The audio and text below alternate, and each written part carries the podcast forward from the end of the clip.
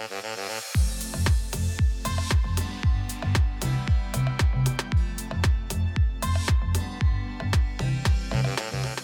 Добро пожаловать на подкаст «Кассы здоровья». С вами я, Маргарита Купченкова, специалист по коммуникации от «Кассы здоровья». И сегодня мы поговорим о здоровой физической активности, о тренировках, полезны ли они, какие есть риски с хроническими заболеваниями, можно ли тренироваться без контроля врача и о многом другом с нашими гостями, а с врачом-реабилитологом Эдуардом Цветковым и телеведущей Еленой Соломиной.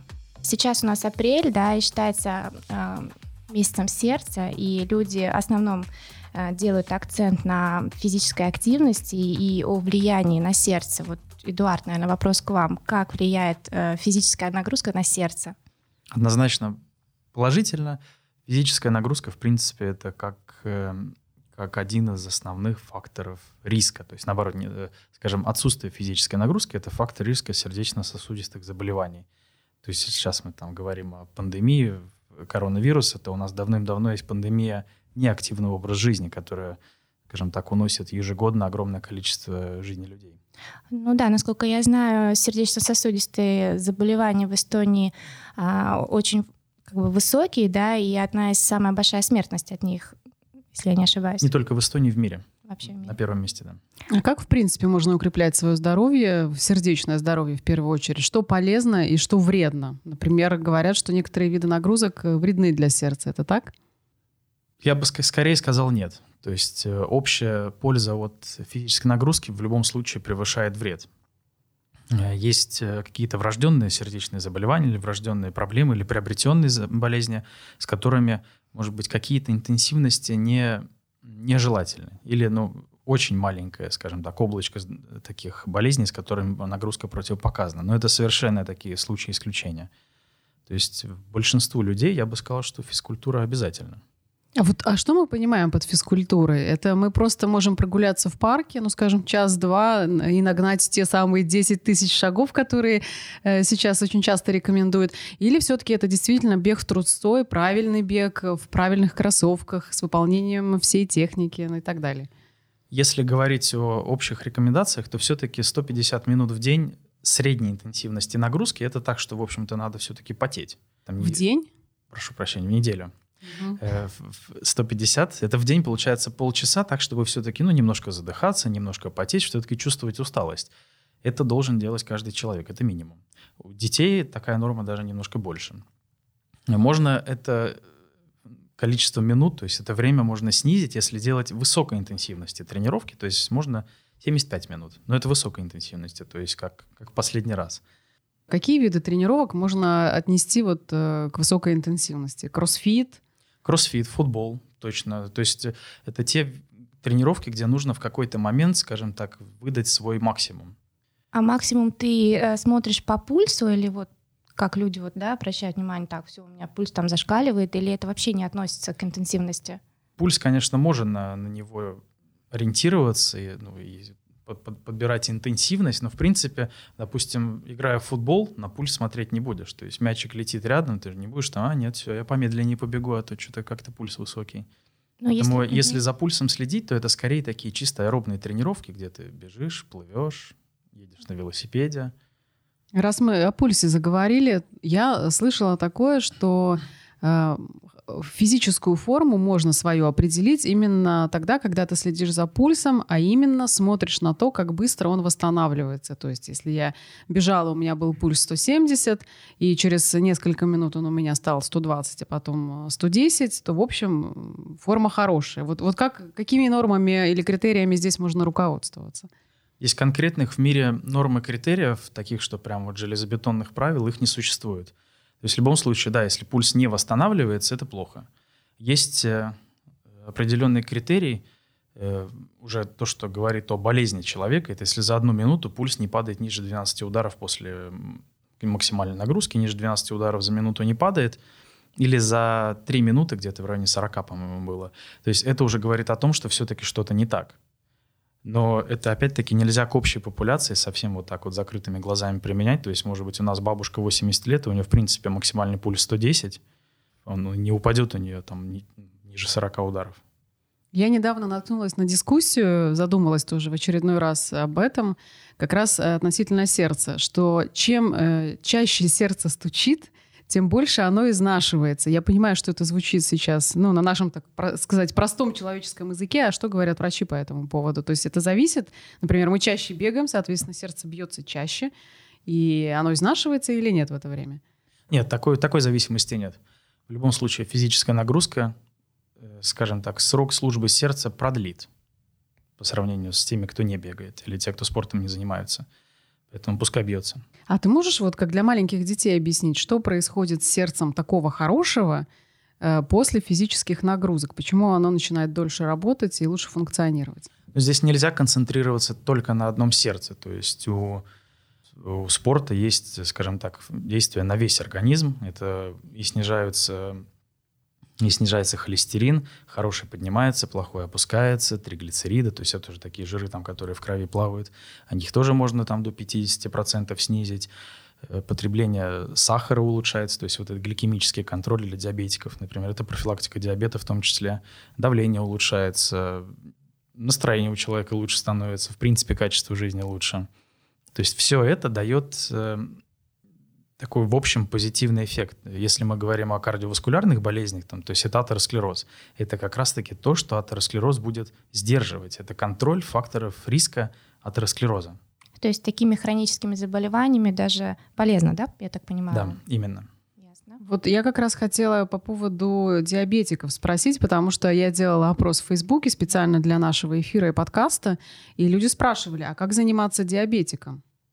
Самое лучшее Тренировка — это комбинированная тренировка, аэробная плюс э, силовая. То есть это, ну, исследования, по крайней мере, показывают, что гликемический контроль намного лучше. Если есть риск э, гипогликемии, то есть, в принципе, то, чего мы у диабетиков не хотим, то э, больше, может быть, подходят именно силовые тренировки с элементами такого высокой интенсивности. Они сахар немножко так это поспокойнее снижают. А вот э, регулярный спорт для диабетиков без гипогликемии. Есть такое? Чем лучше заниматься в этом спорте? Ну вот это и есть, скорее, скорее качалка. А, качалка. Да. uh То есть я не могу сказать, что бег лучше, чем качалка. Но я никогда не скажу, что качалка лучше, чем бег. Вообще где-то истина, скорее всего, будет посередине. То есть нужно и то, и другое делать. Что касается людей с больными суставами, и, к сожалению, их тоже немало, и Например, есть э, артроз в первичной стадии. Вот тоже конкретный вопрос мне задают. Э, что делать? Вставать с дивана и идти на тренировку. Это, в принципе, общая рекомендация. У людей, у молодых людей, у кого там болит коленка, болит плечо, э, как правило, все-таки артроз — это не причина боли. То есть болит что-то вне сустава, не сам сустав. Артроз на таких ранних стадиях, он не должен болеть. Скорее всего, это какой-то синдром перегрузки, то есть это такие связочки, мышцы, все, что вокруг сустава, все болит. Если говорить о профилактике артроза, то, в общем-то, больше всего артроза у тех людей, кто вообще не занимается спортом. И, ну, дальше идет уже, идут уже профессиональные спортсмены, но профессиональные это там такие колоссальные объемы нагрузок уже. И меньше всего артроза у тех, кто занимается умеренно. Ну вот если говорить о тех же сухожилиях, я по своему печальному опыту могу сказать, что болят они довольно ощутимо и очень долго, годами может болеть э, сухожилие, если вот что-то с ним произошло не то. А, как здесь э, регулировать свою нагрузку? Плевать на это можно и, в принципе, тренироваться как ты привык или снижать все-таки? Нет, плевать на это в любом случае не нужно. То есть если больно, стиснув зубы, тренироваться это тоже не, не совсем правильно. Здесь я бы советовал обращаться к физиотерапевтам, потому что они могут э, помочь дойти до таких выводов, до которых, может быть, сам человек не может дойти, как, как помочь своему организму. То есть, естественно, если острое воспаление сухожилия перерастет в хроническое воспаление, вот это беда, вот тогда оно уже будет годами болеть, и это очень тяжело вылечить. А, ну, если острое какое-то воспаление есть в то самое лучшее это просто на какое-то время дать э, отдохнуть, там, ноге, руке, модифицировать как-то свою тренировку, сменить э, деятельность, скажем так. У нас в стране, кстати, очень много бегунов. Ну, по крайней мере, в городе Таллин, где я живу, точно. Я всегда наблюдаю. Рано утром я еду на работу на эфир. в парке у нас бегают люди, по набережной бегают люди, у нас в лесу на Тервиса Рада тоже очень много бегунов. Так вот, э, и многие бегуны, в том числе я лично, могу тебе пожаловаться на то, что болит колено. И что здесь можно предпринять? Э, можно ли пить, например, э, глюкозамин, который часто рекомендуют? Кто-то говорит, что он совершенно бесполезен, кто-то говорит, что нет, он помогает, но эффект накопительный. Что скажет врач? У глюкозамина очень слабая, скажем так, доказательная база за ним. И скорее, если говорить об артрозе, то он на долгосрочную перспективу не влияет никак. Есть какие-то исследования, которые говорят, что, в общем-то, на короткий период как будто бы он может чуть-чуть кому-то помочь. Но если думать о том, как бы мне там протез не получить в дальнейшем, там, через 40 лет, то глюкозамин вообще бесполезен.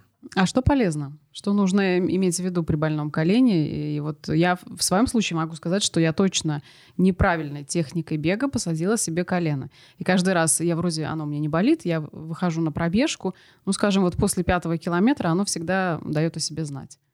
Это очень сложный вопрос. На него однозначно очень, очень тяжело ответить. Но для начала надо понять, где болит и что болит, какая структура. Угу. То есть если ну, какая-то причинно-следственная связь находится, что вот я там бегу по твердой земле, и тогда у меня начинает болеть, ну, тогда не надо бегать по твердой земле. То есть э, легче выбрать другой вид нагрузки просто да, физической. Да. А не стоит обратиться, скажем, к врачу, и чтобы он тебе нашел вот причину, или можно самому, да, там подумать, что сделаю так или так. То есть нужно ли обращаться к врачам? Большинство болезней, они самолимитирующиеся. То есть природа лечит. Вот когда природа уже не может вылечить, тогда, конечно, имеет смысл обратиться. Но здесь я бы даже сказал, что, может быть, не, не обязательно идти сразу к врачам. Есть физиотерапевты, которые именно вот эту мускулоскелетную систему знают э, зачастую лучше врачей. Вот есть еще такой вопрос, э, как в нынешней ситуации, отягощенной двумя маленькими детьми, э, не до четырехлетка, э, сохраняю авторский стиль, и грудничок вообще что-то делать в условиях совершенно сорванной поясницы, как помочь спине? Ну, я так полагаю, что это хроническая боль, да, уже какая-то? Вероятно, это... да, да. С хронической болью есть очень мало вариантов, как как можно выздороветь, скажем так. На то она хроническая, что она, скорее всего, будет с человеком до конца жизни. Но единственное, что интенсивность и э, регулярность этих болей можно как-то попытаться отрегулировать. То есть э, есть три кита. Это физиотерапия, то есть это регулярные упражнения, это ну, активный образ жизни, если так сказать. Это фармакология, то есть это таблетки. Многим людям с хронической болью просто без них никак. И третье — это когнитивно-поведенческая терапия. То есть это если есть какие-то скажем так, психологические проблемы, барьеры, которые нужно преодолеть, они тоже могут помогать э, в лечении хронической боли спины. Но для большинства людей, наверное, это все-таки физическая активность. То есть чем человек больше двигается, тем лучше становится функция спины. А есть ли какие-то виды движения, которые противопоказаны, например, при больной спине? Скорее нет. То есть э, я бы не стал давать какие-то ограничения, человек сам понимает, что если он вправо наклоняется, ему там очень больно, ну тогда на какое-то время можно туда просто не наклоняться. Э, если мы говорим о каких-то болезнях дисков, то, ну, говорят, там, тяжести не поднимай. Но, с другой стороны, мы каждый день носим свою тушку по земле, и там и пакеты из Максима, и еще, ну, как тяжести не поднимать, это невозможно. С другой стороны, то есть нужно просто давать больше нагрузки. Если спина болит, окей, нагрузку снял, полегче пакеты можно потаскать. И постепенно все-таки прогрессировать. То есть, э, скажем, вот это разложение дисков, да, вот эта вот дегенерация дисков, это наш естественный процесс старения. То есть, да, есть морщины у людей, есть э, какие-то артрозы. Это все естественный процесс, так же, как и дегенерация дисков. И диск никогда не восстановится. А вот функцию спины восстановить можно. И самое страшное, что можно сделать, есть такое понятие, как кинезиофобия. Это боязнь движения люди, у которых есть кинезиофобия, которые боятся как-то двигаться, наклоняться, нагибаться, у там ребенка я не подниму, мне нельзя, там, у них э, вероятность того, что эта боль хронифицирует, то есть ну, перерастет в хроническую стадию, она выше. То есть тяжести при больной спине можно поднимать? Тягать штангу, например, да, можно? Да, даже нужно. Но это надо делать все равно правильно. Ну, неразумно было бы, да, если никогда не делал, сразу 200 кило на плечи поставить, это неправильно, да. Постепенно. Вот даже по себе, вот если вернуться там, а, Лена сказала про двух детей, да, тоже, тоже двое детей, знаю, что такое а, больная поясница.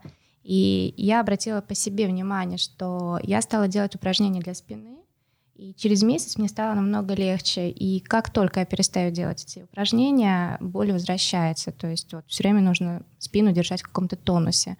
Хотя тоже думала, что вот детей поднимаю одного, второго, они же все хотят на ручки, мамочка, возьми меня, да. А я понимаю, что спина болит, не могу, думаю, так, надо что-то делать.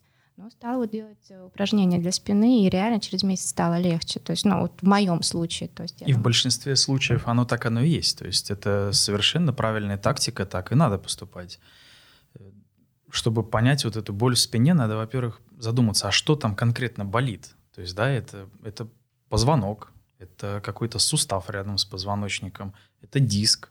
Скажу сразу, что большинство проблем, они просто, они иногда, даже не, не иногда, а большинство боли в спине даже не находят какого-то четкой причины. То есть вот этот генератор боли, его делают МРТ, делают еще что-то, еще там рентген какой-нибудь, его не находят. Просто болит. То есть это какая-то функциональная боль, которая, как вот с коленом было, что это не сам сустав болит, а все вокруг сустава. То же самое со спиной. Ну да, я, я, я так поняла, что, скажем, после детей немножко тело поменялось, да, там э, вес другой стал, и, скорее всего, что именно от лишнего такого веса, да, спина может же болеть. Конечно, если нужно постоянно дополнительные килограммы таскать, да. Вот у меня был опыт, когда я как раз сорвала себе спину в спортивном зале, что я там дернула не туда, и пошла на йогу и сделала ряд упражнений, и у меня все прошло. Но боль была довольно сильная, дышать даже было больно. Э, можно ли здесь сказать, что, например, растяжки в некотором смысле полезнее, что вот такие виды спорта, если их можно назвать спортом, физической активности, как пилатес, йога, все, что делается на статическую растяжку, на динамическую растяжку, это вот э, может быть более щадящий вариант. Они, скорее всего, да, более щадящие. Но если брать вообще острую боль, то есть вот вчера на тренировке дернул спину, то в острой фазе, в принципе, какие-то упражнения, они не показаны. Нет данных, что они как-то ускорят процесс выздоровления. Вот прям спина болит, там слезы текут, а я иду на йогу. То есть такого нет. Но ровно в тот момент, когда человек может э, пойти на тренировку, он должен туда идти. Растяжки, да, они более щадящие, конечно. А можно ли говорить, что они более полезны? Потому что ведь когда мы качаем те же самые мышцы, они становятся короче, они становятся более твердыми, забитыми. Вот и видно часто у культуристов руки они не могут опустить нормально, потому что вот они очень перекачанные, у них все вот такое вот сжатое. Нет, это не более полезный вид нагрузки, то есть, э, скажем так, силовая тренировка это такая же обязательная часть э, жизни любого человека. Э, просто, ну да, здесь мы опять возвращаемся к интенсивности. Просто силовая тренировка, она интенсивнее. Если никогда не занимался своей спиной, никогда ничего не делал, в спортзале никогда не был, то, конечно, можно начать с пилатеса. И постепенно ну, включать какие-то другие упражнения туда. Ну вот, э, кстати, о том, как люди без движения живут. Вопрос сейчас зачитаю. Как быстро атрофируются мышцы и обрастут солью суставы, если сидишь на диване буквой «зю» э, с компьютером на коленях э, день, э, лежишь на диване с компом на пузе ночь, и, в общем, вот такой у человека образ жизни. Как быстро он обрастет, я не знаю, мхом в этом случае? Солью он обрастет не быстро, то есть это, ну, я так подразумеваю, износ суставов да, под солью. Mm-hmm. Это все-таки процесс такой, который ну, для этого годы нужны. И чем старше человек... Нужно постараться. Нужно, да, потерпеть немножко, так быстро не будет. А вот э, функция мышцы, ну, месяц. Я думаю, месяца будет достаточно, чтобы... А что такое атрофия мышцы? По каким признакам мы поймем, что мышцы у нас уже не функционируют как надо? Ну, атрофия — это когда она теряет свою, скажем так, массу. Это можно взять сантиметр и померить до и после. Если убавилось, то значит мышцы атрофировались. Как быстро, например, мышца обратно приходит там вот в этот тонус, ты там вот месяц не занимался, и чтобы она вернулась в такой же... Ну, если вернуться в тот же объем, ну, наверное, за пару месяцев все-таки можно будет вернуть ее. То есть э, есть э, такой пример. Операция на колени. После операции на колени какое-то время ну, снимается нагрузка с этой ноги то за месяц квадрицепс, вот эта четырехглавая мышца, э, она становится тоненькой, она теряет свою функцию, она теряет силу, и для того, чтобы ее восстановить, нужно ну, полгода. Это самый оптимистичный прогноз, но в принципе год. Ну, ведь э, есть тоже такой феномен, когда человек носит гипс на ноге, и когда ему этот гипс снимают, она тоже одна нога нормальная, вторая вот э, размером с мизинец. Вот это примерно та же ситуация, да, когда просто нога не используется, и достаточно одного месяца, чтобы эту разницу увидеть уже прям вот в зеркале или там, не знаю, сосед увидит. Вот когда мы говорим о ЗОЖ, о здоровом образе жизни, меня, кстати, некоторые даже спрашивают, а что такое ЗОЖ, что вы имеете в виду? Значит, здоровый образ жизни. То ведь многие думают не столько о здоровье сердца, сколько о собственной фигуре, что хотят подтянуть фигуру, быть худыми, стройными и руководствоваться какими-то идеалами красоты. А как ты на это смотришь? Это э, если человек руководствуется этим, он все равно принесет здоровью, э, вернее, пользу своему здоровью, или все-таки может навредить? Ну, если так поставить вопрос, то, конечно, можно навредить, можно удариться в крайности.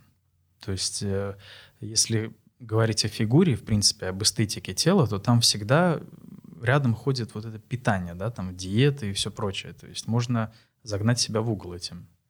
Физические нагрузки в этом плане я бы не, не беспокоился. То есть физические нагрузки здесь такой прям верхней границы, ну, ее сложно определить. То есть, а вот если человек перестает кушать и гонится за какими-то там идеалами красоты, то вот это может быть э, проблематично, особенно у молодых девочек. Особенно такие эстетические виды спорта, гимнастика, балет. Балет, то есть, да, девочки прям голодают, есть, э, есть проблемы у них. А как часто ты сталкиваешься с таким? Потому что ведь есть кабинет, где можно тоже себя проверить на определенные функции.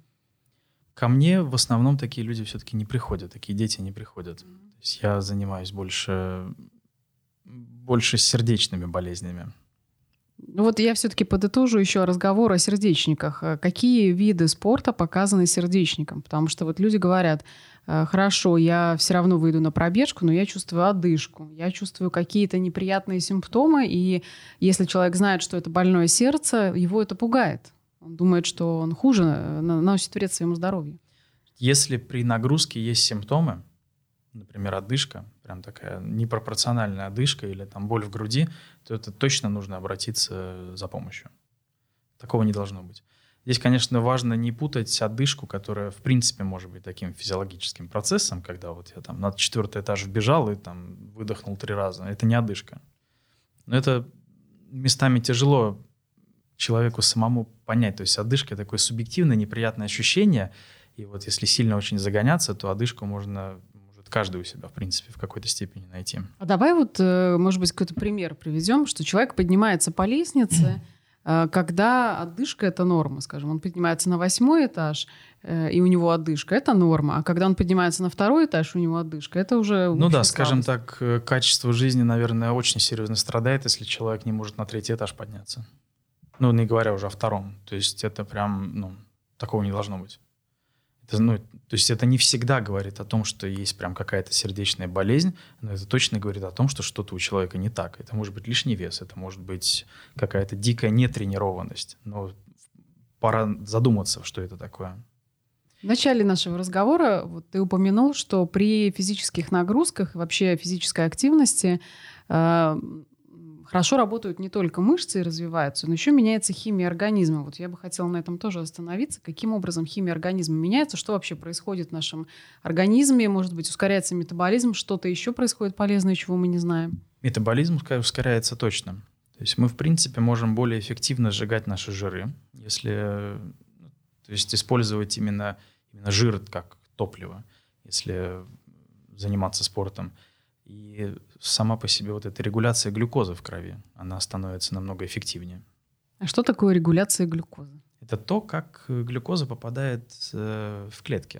То есть есть, есть у нас человек с каким-то лишним весом, каким-то метаболическим синдромом, да, вот диабетом или предиабетом, то только физическими упражнениями и тем, что он похудеет, он может снизить свой вот этот воспалительный такой, у нас есть всегда в крови эм, то есть не всегда в крови, а у этих людей есть в крови какой-то воспалительный фон.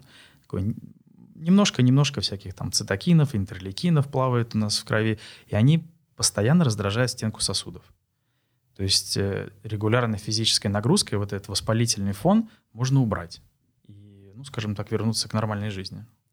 Если человек предпринимает какие-то попытки наладить свой здоровый образ жизни, но у него так называемое плато, то есть э, он видит, что вес не уходит, хотя он старается, он, может быть, бегает, э, что-то еще делает. Здесь э, что мы можем рассматривать? Что человек лукавит, обманывает сам себя, ну, потому что от тренеров я очень часто слышу, что люди почему-то не учитывают э, перекусы свои, что если они выпили чашку кофе с пятью конфетами, то как-то это мимо прошло, и я, я, я тренер, честное слово, ничего не ел, говорят они, а оказывается, что это влияет все-таки. Или есть какие-то, какие-то, может быть, заболевания или какие-то дисфункции, которые не позволяют человеку быстро добиваться результата. Скорее первый вариант. Если какая-то болезнь, которая вызывает вот это повышение веса, то это скорее казуистика, это редкость, это маленький-маленький процент из всех. Э, люди, недавно какое-то исследование попадалось мне, там э, считали, как, как вот обычные люди умеют правильно подсчитывать свою еду и как они правильно умеют считать свою физическую активность. Так вот, они очень сильно переоценивают свою физическую активность и очень сильно недооценивают то, что они кушают. То есть вот там проблема. То есть я подвигался, я молодец, а тут я съел кусочек тортика, а это ничего, это, это не можно, это для да. настроения да, мне да. было. У меня стресс. А как ты относишься к спортивным часам? Если мы сейчас заговорили о подсчетах, то я ношу спортивные часы. И даже мне делают замечание, что как-то я ношу такие большие часы, и вместе с платьями это никак не годится. Но, тем не менее, это уже лирика. Э, и меня не мотивирует. То есть, когда я вижу э, по часам, что я не выполнила свою дневную норму, я начинаю, ну, как-то быстрее шевелиться. Я думаю, а не пойти ли мне погулять, сделать такой вечерний мацион, чтобы нагнать норму? Я, в принципе, отношусь э, позитивно к спортивным часам. У меня у самого они есть, но я не руков... скажем так, я не пытаюсь, чтобы они руководили моей жизнью, да, то есть если я иду на тренировку или что-то делаю, конечно, я надеваю часы, мне интересно посмотреть, в какой зоне пульса я занимаюсь, и, в принципе, сколько я там пробежал, сколько калорий сжег, это интересно. Но так, чтобы прям постоянно носить, наверное, нет. Ну, зависит от того, часы — это инструмент, который тебе помогают, или это инструмент, который тебе не дают спокойно жить. Ну, а, а, а как правильно, как предпочтительнее выбирать? Предпочтительнее, чтобы они помогали, конечно. А вот, э, скажем, с часами эм, продается такой пояс, который, в принципе, заменяет у нас ЭКГ, то есть он очень четко э, э, прослеживает пульс, ритм сердца. Насколько это важно для человека, который занимается, ну, просто фитнесом, просто физической активностью? Ты сейчас говоришь именно об ЭКГ. Потому, потому что обычные о, вот такие о, Polar, например, э, пояса, они ЭКГ не читают. А, мне, а вот так вот. А да. мне они объяснили, когда я пыталась выяснить разницу между часами, которые сами считают пульс, и часами, которым прилагается этот пояс, они мне сказали, что на поясе стоит датчик, который равноценен ЭКГ. Они мне наврали. Ну, может быть, конечно, есть какой-то пояс, о котором я не знаю у Полара, который читает ЭКГ, но нет. Это просто пульс, это частота ударов, ну, частота сокращения сердца в минуту. Просто с груди он приним, воспринимает немножко, может быть, поточнее. То есть вот именно момент артефакта или момент там, где сбивается, нарушается контакт датчика и тела, у часов эта вероятность выше. А пояс, он всегда прилегает, и контакт просто лучше, поэтому он более такой надежный. Вот вопрос касается того, это точность, насколько она важна обычному человеку, который просто вышел на пробежку, просто сходил в спортзал, позанимался она совсем не важна на самом деле, потому что пульс — это такая величина, которая постоянно меняется, прыгает, и там пять ударов туда-обратного не имеют совершенно никакой роли для обычного человека. Мой опыт такой, что, в принципе, часы, которые с руки пульс считают, они ничем не хуже. То есть главное затянуть потуже, чтобы контакт с кожей был, и все. Продолжая тему пульса. Есть люди, у которых э, очень быстро поднимается пульс от минимальной физической нагрузки. Что это значит? Нужно ли им беспокоиться? Скорее нет. У молодых, э, да и в принципе у всех людей пульс, он очень разный. То есть мы можем да, по каким-то формулам высчитать среднее значение пульса там, для всего Таллина, как это было бы вот, э, или там для всей Эстонии, как это могло бы быть у них. Но всегда есть какие-то 15%, которые в эти общие правила, общие формулы не вписываются. И сам по себе быстрый подъем пульса, ну, это не проблема, то есть это не болезнь. Конечно, это может и при болезнях такое быть. То есть, например, у человека анемия, для того, чтобы ему там вот этот кровоток ускорить, чтобы кислород лучше поступал, сердце должно больше работать. Но тут опять-таки очень важно, а что человек при этом чувствует. То есть, э, если я, допустим, не знаю, побегу с вами, у меня будет пульс 160, э, я при этом себя отлично чувствую, там у Маргариты будет 110, она тоже себя прекрасно чувствует. То есть, ну и хорошо, так оно и должно быть. То есть здесь важно ориентироваться на ощущения, собственно. Да, Если они да. какие-то болезненные, неприятные, то тогда стоит задуматься. Все верно, да. То есть у меня, допустим, мой максимальный пульс 197. Несмотря на мой возраст, как бы это выше, выше моей возрастной нормы, 197 мой максимальный пульс. То есть так получается, если подумать, 160 для меня это ну, небольшая проблема. А если бы пульс у меня был максимальный в принципе 160, то для меня, наверное, было бы ну, в районе 120 все-таки такой, 110-120. А как было. высчитывается максимальный пульс? Ну, для взрослых людей это 220 минус возраст. Самая такая простая формула. Для детей нет смысла по этой формуле считать, то есть у детей это, эта корреляция отсутствует. А для взрослого... С какого момента мы говорим о, там, о детях, подростках, и когда ты уже можешь сказать, что вот это взрослый человек, вот есть какая-то возрастная грань, там, 20 лет, там, 15 лет? Я думаю, пубертет — это то место, где, где можно... Борода выросла, значит, все, взрослый. А если не выросла, все, остался ребенком? Что тогда делать девочки? Э, если мы продолжаем э, тему пульса и вообще нагрузок, то э, я часто слышу совершенно противоречивые мнения разных людей, которых я могу назвать специалистами. Скажем, йоги мне будут говорить о том, что, естественно, растяжка важнее всего, и что заниматься, скажем, функциональными видами спорта 5-6 раз в неделю — это ненормально. Кто-то говорит наоборот, например, с культуристами, когда я говорю — и сообщаю, что ну вот за тренировку у меня в среднем уходит 350 килокалорий. Мне часы так показывают. Они говорят, да что ты, конечно, никакого результата не будет. Нужно сжигать тысячу как минимум. Вот мне, как простому человеку, который просто хочет для себя быть, естественно, красивой, но при этом еще и здоровой, что я должна иметь в виду? Ну, я так понимаю, что культуристы — это все-таки дядечки больше 90 килограммов, и для них сжигать по тысяче за одну тренировку это не проблема. Во мне тоже 90 с небольшим кило. И если я пойду там час или полтора бегать, то я тоже сожгу тысячу. Э, ты, Лена, все-таки девочка миниатюрная, поэтому 350 для тебя это вполне себе нормальная цифра. Угу. То есть тебе и для жизни нужно меньше килокалорий. И кушаешь ты меньше, и сжигаешь ты меньше. Потому что и мышечная масса в тебе меньше. Ну, а в принципе, вот можно ли назвать окаянством тренировки 5-6 раз в неделю, а то, не дай бог, и 7 раз в неделю? То есть все Нет, дни? это, это абсолютно нормально. И даже чем регулярнее, чем больше вот этих тренировок, ну, скажем так, 5-7 раз в неделю тренировки, это отлично, это самый лучший результат как раз-таки для профилактики болезней. То есть если делать одну тренировку в неделю, ну, скажем, какую-то вот интенсивную, там вот люди, которые играют в футбол по воскресеньям, мужчины, Э, это очень хорошо, да, на какой-то момент именно во время тренировки у них риск получить какой-то вот сердечную, не знаю, инфаркт или что-то такое возрастает. Но в принципе, даже если они один раз в неделю играют в футбол, э, такой базовый риск у них становится меньше где-то, ну, почти в половину, чем у тех, кто вообще ничего не делает. Ну, в любом случае двигаться, как мы понимаем, это хорошо для здоровья. Да, и эта тенденция, она сохраняется дальше. То есть два раза в неделю заниматься, этот риск будет еще меньше. То есть именно даже, даже во время максимальной физической нагрузки риск получить инфаркт будет меньше. Если заниматься 5-7 раз в неделю, то ну, совсем риски падают. А мы говорим о 7 раз, это э, интенсивной тренировке или вот такой более лайтовой, скажем так? Интенсивно, да, я сейчас говорил бы интенсивной то то исследование, где я это видел, там были интенсивные тренировки. Я хочу сейчас э, ложку дегтя забросить э, в нашу бочку меда о пользе здорового образа жизни.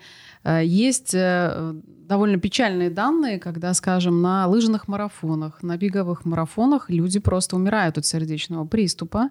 Особенно это пожилые мужчины. Как это можно объяснить? Хотя многие их знакомые говорят, что это люди, которые готовились к этому, это люди, которые занимались регулярно спортом и так далее. Не надо называть 50 плюс мужчин пожилыми. Извините, зрелые мужчины в самом расцвете сил. Да, да, к сожалению, эта статистика есть, она и в Эстонии есть. У нас, в принципе, каждый год что-то такое случается. Как правило, за этим стоит какая-то сердечная болезнь. И, как правило, это атеросклероз. То есть это, ну, вот эти бляшки, бляшки на сосудах, бляшки. да, если проще сказать. И ну, люди, как правило, не знают, что у них есть этот атеросклероз, но с другой стороны есть факторы риска. То есть атеросклероз, он не бывает э, такой, что вот есть одна причина, и вот именно по этой причине у меня вот атеросклероз. То есть это несколько факторов риска. Это, например, высокий холестерин, плохой холестерин, э, э, это давление, это курение, это мало движения. Ну, в данном случае это не актуально. Какая-то, какие-то генетические предрасположенности. То есть если эти факторы все под контролем, то вероятность получить атеросклеротическое повреждение сосудов, оно, в общем-то, снижается, существенно снижается. Если мы говорим о вот этих внезапных смертях на каких-то соревнованиях, то это атеросклероз. В большинстве, подавляющее большинство, это атеросклероз, о котором мужчины как бы не знают. Вот он бегает, тренируется, у него давление, у него холестерин, у него там, у папы, у папы был инфаркт э, в 45 лет. Это все факторы риска. Если мы говорим о смертях, которые происходят, допустим, на площадке, э, ну там на футболе или еще где-то у молодых, то, скорее всего, это какие-то врожденные заболевания сердца. Вот ты заговорил сейчас о пагубных привычках, и не знаю, простите меня за этот вопрос, но вот некоторые люди рассуждают о том, как можно заниматься спортом с похмелья, например. Если человек согрешил э, накануне вечером и идет заниматься спортом, ему это противопоказано или наоборот показано? Потому что очень разные есть ситуации. Некоторые говорят, что наоборот выходят все эти вредные вещества, алкогольные пары, и мы от них избавляемся с помощью физической нагрузки. Другие говорят, нет, мышцы страдают, сердце плохо работает в этот момент, организм обезвожен, и лучше этого не делать. Я бы сказал, что лучше не делать. То есть становится лучше, скорее всего, потому что просто проходит время тем, что мы идем в спортзал и там что-то делаем, или там поле перепахать надо, или еще что-то, э, от этого печень быстрее алкоголь не перерабатывает. То есть этот процесс мы ускорить не можем. Просто пока на тренировке два часа находишься, то вроде как бы становится и легче. Можно отвлечься даже. Но так, чтобы ускорить вот этот выход с абстиненции, нет, не, не выйдет. То есть и лучше в этот день отдохнуть все-таки? Ну, это, это, можно? это можно позаниматься, но тогда, если, если уж очень хочется, душа просит, ну тогда не надо слишком усердствовать. То есть в любом случае пульс будет выше, будет тяжелее бежать, все будет намного тяжелее, голова болит.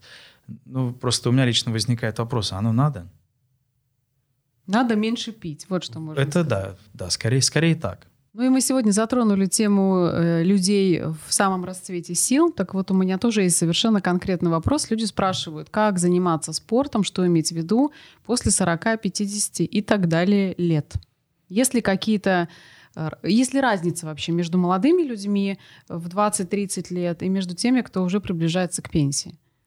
Скажем так, если нет каких-то хронических заболеваний известных, если ну, с никаких симптомов, то есть там одышки, боли в груди и подобного нету, то с умеренной интенсивностью можно в любом случае начинать и, и постепенно прогрессировать э, ну, к более высоким интенсивностям.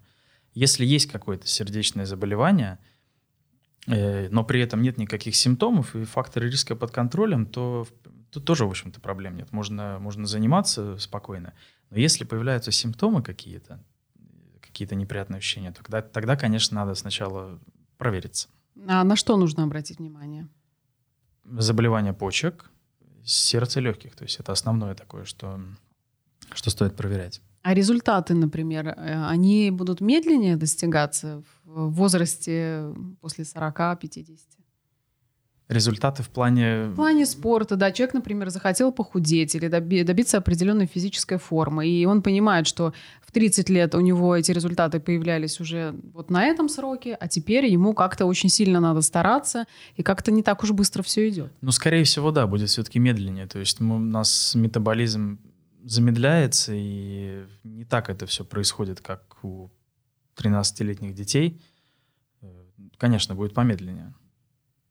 Как разогнать метаболизм? Какой самый действенный способ? Без понятия. Без понятия? Серьезно? Ну, скажем так, э, один из способов, как э, ускорить метаболизм, да, то есть, опять-таки, это мы возвращаемся к транспорту глюкозы, эффективности и так далее. То есть, да, это регулярная физическая нагрузка.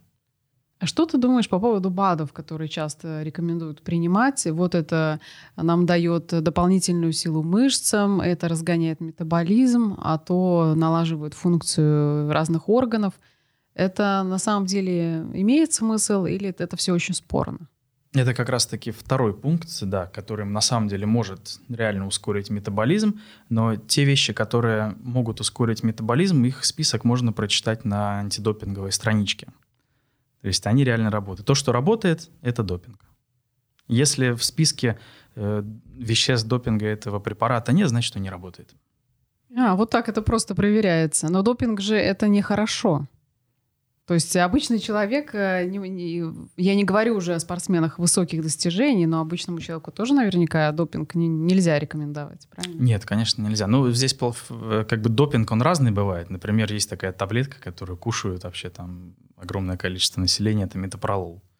Для стрелков это допинг. Замедляет сердцебиение. Алкоголь это тоже допинг. Что там еще такое было интересное? Алкоголь? А как алкоголь может быть допингом? Ну, для стрелков вроде как да? был допингом, да. Как курение действует на здоровье? В отличие от алкоголя, все-таки, если алкоголь мы потребляем, ну, условно, в выходные дни на шашлыках, то люди, которые курят, они курят все время, постоянно, э, несколько раз в день, может быть. Насколько это совмещается со спортом? Нужно ли им быть в каких-то моментах более осторожными? Курение – это очень такой важный самостоятельный фактор риска сердечно-сосудистых заболеваний, множество там, каких-то раковых образований, легочных болезней. То есть курение создает, опять-таки, вот этот постоянный воспалительный фон в организме. То есть у нас в крови постоянно присутствует какое-то воспаление.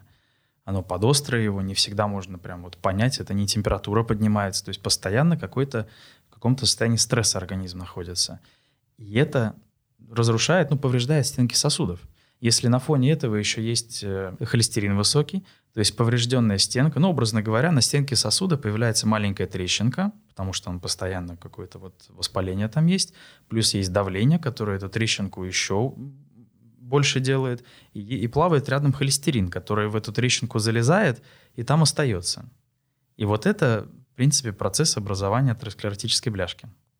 А что касается дыхания, то вот э, часто можно услышать, дыхалки не хватает. Что это за такое явление, дыхалки не хватает? Ну, наверное, те, кто так говорят, это скорее такая физиологическая усталость. То есть, может быть, человек помнит, что в 20 лет он там мог ого-го, горы свернуть, а вот сейчас в 40 уже чуть не то. Дыхалки не хватает на то же самое. Чаще всего это оно. То есть за этим, есть ли за этим какая-то болезнь, я не могу сказать. Ну, скажем, а как можно развить э, свое дыхание для того, чтобы бегать на большие дистанции и с лучшими результатами? Нужно ли каким-то образом специально это развивать и налаживать свое дыхание? Именно саму по себе функцию легких вряд ли получится улучшить, потому что легкие — это такая структура, которую нам мама с папой сложили вместе, и, в общем-то, они сильно не изменятся. То есть э, площадь легкого не станет больше, газообмена больше не станет, и бронхи тоже шире не станут без допинга — то есть как бы легкие, они как работают, так и работают. Конечно, если пол легкого отрезать, это другое дело. Там уже, конечно, площадь вот этой диффузии, там, где газы проходят, она меняется, и это уже может ограничивать человека. Но, в принципе, нормальная физиология такая, что ограничивает человека скорее сердечный резерв. То есть вот как раз-таки максимальное количество э, сокращений в минуту. И дыхалку то есть, ну, само по себе ощущение вот этой одышки, оно складывается не из Когда сердца. стискивает, вот ощущение стискивания в груди. И вот я помню еще в детстве, когда слишком много и быстро бегала, появляется какой-то вот как привкус крови во, во рту. То есть тоже он появляется именно, когда идет чрезмерная нагрузка из-за бега, как я понимаю. Что это такое? Это, скорее всего, просто раздражение дыхательных путей.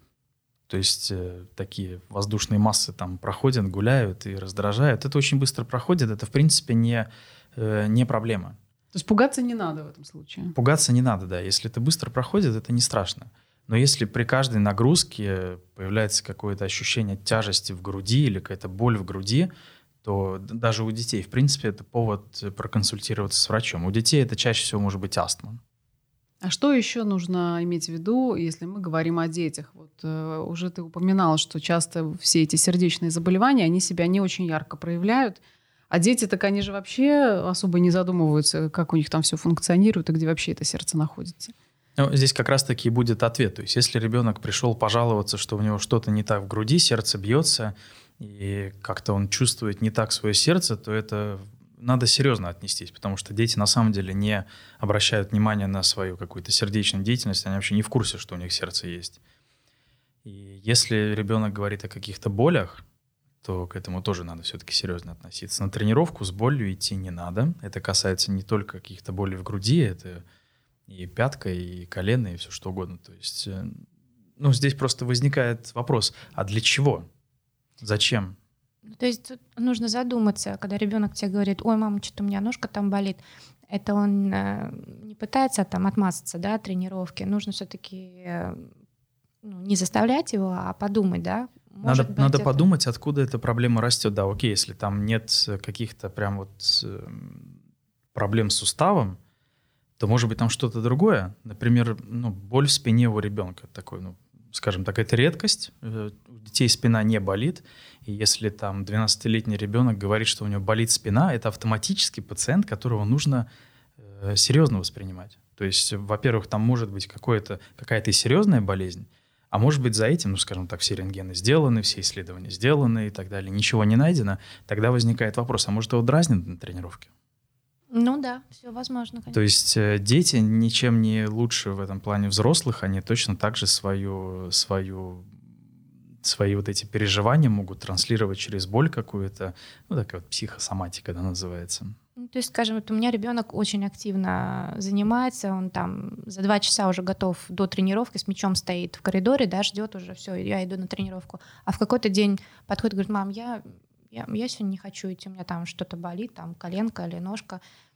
Э, ну, я, естественно, его оставляю дома. Должна ли я его потом идти куда-то проверять? Смотрю, через там два дня он уже вроде как и бегает, и нормально все. Это просто какая-то усталость. Хотя понимаю, что у него нету проблемы там, что кто-то дразнит или у него там что-то не получается. Ну, если это все прошло за один-два дня, то можно об этом забыть. То есть это может просто быть усталость у ребенка, да, там да. накопилось. Да.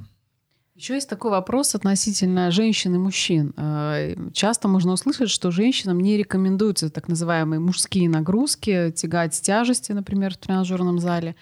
А что здесь можно сказать? Ну, потому что все-таки мы действительно физиологически очень по-разному устроены. Устроены по-разному, но тягать тяжести надо всем. То есть тяжести тягать должны как э, и дети, так и взрослые, так и старички. Ну, просто единственное, что детей, конечно, я не видел таких детей, которые сказали бы, что в тренажерном зале штангу тягать это веселее, чем футбол гонять. Но, в принципе, для них э, именно силовые тренировки точно так же важны, как и для бабушки 80 лет. Силовые тренировки обязательно должны быть с отягощениями, или это могут быть довольно интенсивные функциональные тренировки? И так, и так возможно, главное, чтобы это нравилось. Но если мы хотим именно работать на гипертрофию, то есть ну, после определенного возраста у нас э, мышцы начинают терять свою массу. Это называется саркопенией. Это в основном такая проблема более старого населения, 65+, то есть как раз таки мышцы атрофируются, теряют функцию, э, теряется масса мышцы. Это большая проблема. То есть с этим связаны падения, и потом восстановление после падения, переломы. То есть это все, скажем так, масса мышц — это то, за что должны сражаться наши бабушки, дедушки, во что бы то ни стало. То есть, ну и массу мышц можно э, лучше всего наращивать все-таки тяжестью, какими-то большими весами. Ну, большими, у каждого понятие о большом весе свое, конечно. Вот, да. Например, это какой-то процент от веса тела или как это высчитывается? Есть метод такой, скажем так, э, one repetition максимум, то есть, э, ну, там по формуле высчитывается, сколько там, ну, берется гантелька, например, 15 килограммов, и я вот делаю на бицепс, там, сколько я смогу, 20 раз поднять, например. И там вставляются эти данные формулы, и можно узнать свой один repetition максимум, и, ну, 50% от этого можно взять, чтобы тренировать вот эту группу мышц. А так это, ну, усталость такая, что в конце последней серии, например, третьей серии, усталость могла быть такая, что, ну, вот я выложился на 80%. Ну вот и про усталость тоже вопрос. Э, некоторые люди говорят, ну я так устаю на работе, и даже, можно сказать, там какая-нибудь физическая нагрузка есть. Вот, например, курьеры, которые сейчас, э, их очень много можно увидеть на улицах, у, у них же большая физическая нагрузка. Нужны им тренировки или нет? Или они уже и так молодцы? Они в любом случае двигаются много, то есть, да, свои 10 тысяч шагов они отрабатывают, а то, а то и больше. Но это ж не значит, что... Ну, то есть у них, в принципе, нагрузка, она довольно-таки однообразная. Они ходят, да, или катаются на велосипеде. Отлично. То есть я думаю, для такого, для здоровья общей популяции это неплохо. Но почему не включить туда, например, силовые тренировки? У того же самого курьера может болеть спина. Да, он ходит много и так далее, но если он, допустим, включит силовые тренировки, боль в спине пройдет. То есть не факт, что если ты просто ходишь, что у тебя пройдет спина, да? То есть это недостаточно нагрузки. Ну, ну поясница там или еще что-то. Оно, скажем так, оно индивидуально. То есть кому-то и хватает просто того, что он поднимется с дивана и начнет двигаться для того, чтобы почувствовать себя лучше. Боль в спине такая очень сложная тема на самом деле. Если кто-то когда-то придумает лекарство от боли в спине, он получит Нобелевскую премию. Это, это большая проблема. Это прям вот до 80% населения испытывает какую-то боль в спине в, в течение жизни. То есть и нет, нет такой панацеи, нет хорошего решения. В принципе, неважно от возраста, от пола, если у тебя хронические заболевания, двигаться надо – и это нам помогает жить дальше, да? Если, если человек боится двигаться, если он не двигается, если он не занимается какими-то физическими нагрузками, спортом, он автоматически становится в группе риска. То есть он переходит из здоровых в больных. То есть э, дефицит движения — это большой фактор риска для развития болезней. Не только сердца, э, это могут быть и диабет, это может быть и какие-то формы рака, движение, спорт в любом случае оказывает протективное действие на организм. То есть это обязательно для всех.